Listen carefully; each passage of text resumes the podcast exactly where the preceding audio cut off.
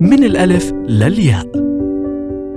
الميراث اللي هو ملكك وحقك الشرعي من ملك أبوكي بيجوا إخواتك بكل قلة ضمير وكثير من الظلم بيحرموكي منه وكأنه هو أحسن منك.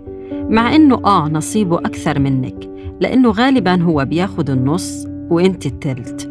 حتى التلت بحسبوكي عليه وبدهمش يعطوكي إياه. بدهمش إياكي تنعمي من مال أبوكي مع إنهم ما تعبوش فيه فعلياً وأخدوه على الجاهز. لا والكارثة وين؟ في أب وأخوة بيحرموا بنتهم من الزواج أصلاً علشان ما حدش يفتح عينه في ميراثها. طيب ما أنت حارمها منه أصلاً؟ كمان تحرمها من ميراثها؟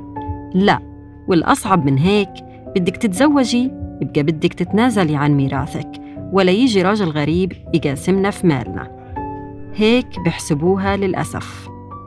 وبحياتي ما شفت أبشع من شيخ بيخطب في حق البنت في الميراث وهو حارم خواته من ميراثهن طب ليش يا شيخ؟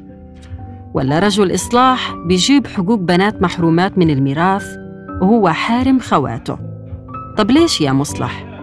أنتوا أحسن من الناس بشو؟ عفواً.